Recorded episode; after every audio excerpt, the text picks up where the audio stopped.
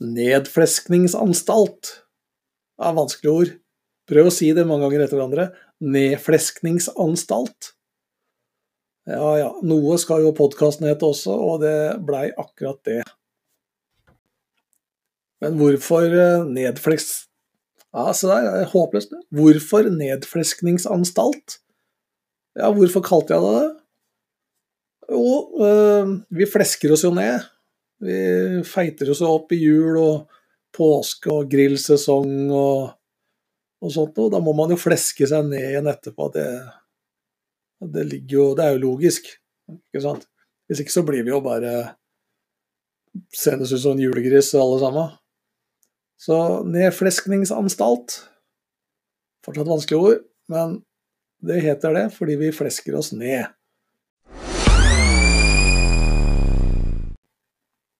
Påskeferie, ja. Det har jo vært påskeferie. Om det ikke har vært eh, hytteferie for alle, så har det i hvert fall vært påskeferie for alle. Eller ikke for de som jobber, da, selvfølgelig. Men uh, hva har jeg gjort i påska? Jeg har jo selvfølgelig spist litt. Spist litt mer, kanskje. Og i hvert fall masse godteri og snacks. Og drikke voksenbrus. Både brun og, og rød. Men jeg har uh, sykla. Jeg har sykla langt. Jeg har løpt uh, kort og langt. Opp og ned. Uh, jeg har svetta. Men ikke så mye som jeg burde ha gjort. Jeg har ikke trent så mye som jeg burde ha gjort, og som var planen.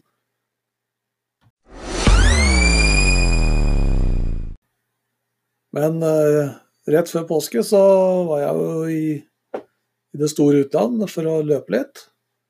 Dro til Gran Canaria for å være med på Trans Gran Canaria 128 km. Andre året på rad. Uh, I fjor endte det med DNF, altså Did Not Fail, etter 65-67 km eller noe sånt. Jeg rakk rett og slett ikke tidsfristen. Eh, ble litt overoppheta pga. varmen i fjor. I år så var jeg i mye bedre løpeform. Løp mye kjappere. Eh, hadde kjempegod tid i forhold til i fjor. Eh, alt føltes bra, bortsett fra én en eneste ting, og det var at jeg var småkvalm fra jeg sto opp den dagen til løpsstarten klokka 11 på kvelden. Og den kvalmen ga seg ikke. Den holdt på utover hele natta til uh, morgenkvisten, uh, hvor jeg etter 45 km bestemte meg for å stå av. Da gikk det såpass sakte siste kilometerne, og med så lite næring som jeg klarte å få i meg på slutten der, så var det ikke liv laga. Selv om jeg da nok en gang fikk en eh, DNF på dette løpet, så er jeg egentlig greit fornøyd med tanke på dagens situasjon med korona. Eller som Ola Halvorsen sier, horona. Så kunne jeg sikkert tatt et par-tre checkpoints til, bare for å ha fått gjort det også. Nå er det jo ikke mulig å få løpt eh, noe annet enn virtuelle løp, men eh, det funker jo det òg. Absolutt. Men den store gleden oppi hele Gran Canaria-turen var jo at min eh, venn Stig Morten, som jeg løp sammen med i fjor, som også brøt på samme sted som jeg gjorde, han klarte i år å fullføre. Fantastisk. Kjempebra. Og han hadde 30 timer maks, og han brukte vel 29 timer og 30 minutter eller noe sånt, tror jeg. Fantastisk eh, fyr. Fantastisk eh, prestasjon av han. Jeg har jo fått eh, spørsmålet om jeg kommer til å stille opp med Canaria neste år også. Det vil jo selvfølgelig tiden vise. Det avhenger veldig mye av jobbsituasjonen om jeg har mulighet til å få meg fri. Og ikke minst om jeg også har råd til å dra dit. Det koster tross salt litt penger. Man bør jo også være der noen dager i forveien, og gjerne noen dager i etterkant. Og det koster penger og, og tid.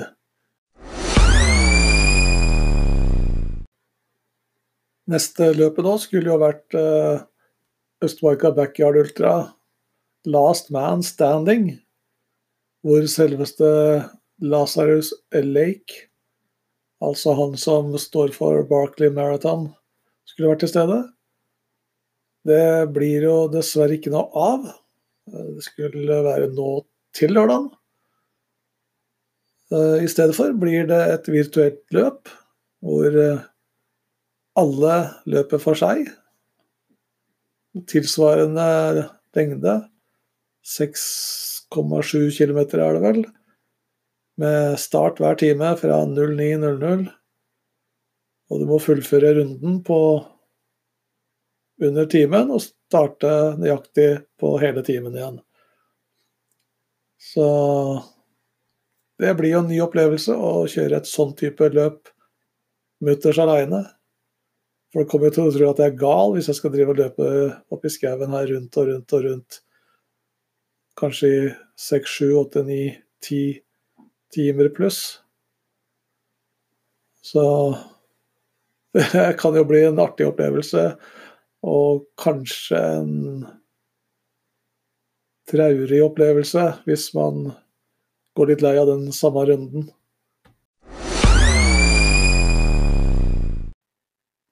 Det er jo et par ting jeg må si jeg er drittlei av å se når jeg er på Facebook. Det ene er jo alle disse som klipper og limer samme statusen over og over og over og over og over alt, liksom. Enten det er det ene eller det andre, eller konkurranser og gjett. Gjett hvem som er mora til hvem, og 14 pluss 7 og ja, hele driten der. Jeg må si jeg er drittlei. Skikkelig møkkalei.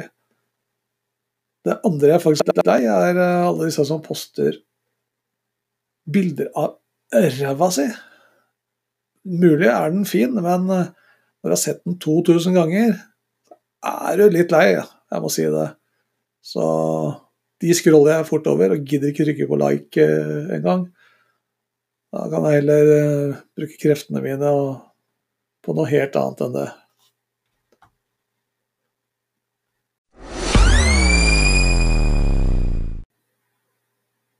Nå er det vel nok med klaging. Nå må vi være litt positive her, så skal jeg komme med dagens uh, skotips. Jeg leser jo stadig vekk uh, spørsmål om uh, hvilke sko er best til osv., osv., osv. Og skotipset mitt er som følger. Først må du finne ut hva du skal bruke skoa til. Og det er asfalt, grus, terreng, teknisk terreng osv. Kanskje er det hinderløp også. Når du har funnet ut av akkurat det, så må du gå og prøve sko. Da prøver du de skoene som passer til den kategorien du skal ha skoene til. Og min mening er at du skal gå for de skoa som du føler passer deg best ikke hva jeg har sagt er best, ikke hva naboen din har sagt er best, ikke hva de 20 stykkene som har svart på Facebook mener er best, men det som faktisk sitter best på foten din. Og det er det kun du som vet best.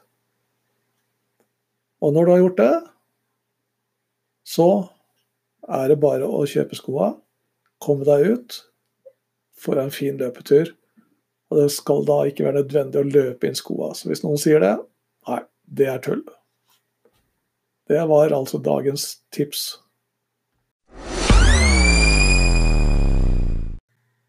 Jeg tror det var eh, det for eh, dagens eh, sending. Jeg vil ikke kjede dere for mye med tørrpratet mitt og, og dårlige jokes som jeg ikke har hatt noe av i dag. Jeg har ikke hatt noe bra heller, så det er jo greit. Eh, neste gang så kommer jeg tilbake med flere tips. Antakeligvis noen flere klager på et eller annet. Og så skal jeg prøve å få med noe matgreier. Det hadde vært fint.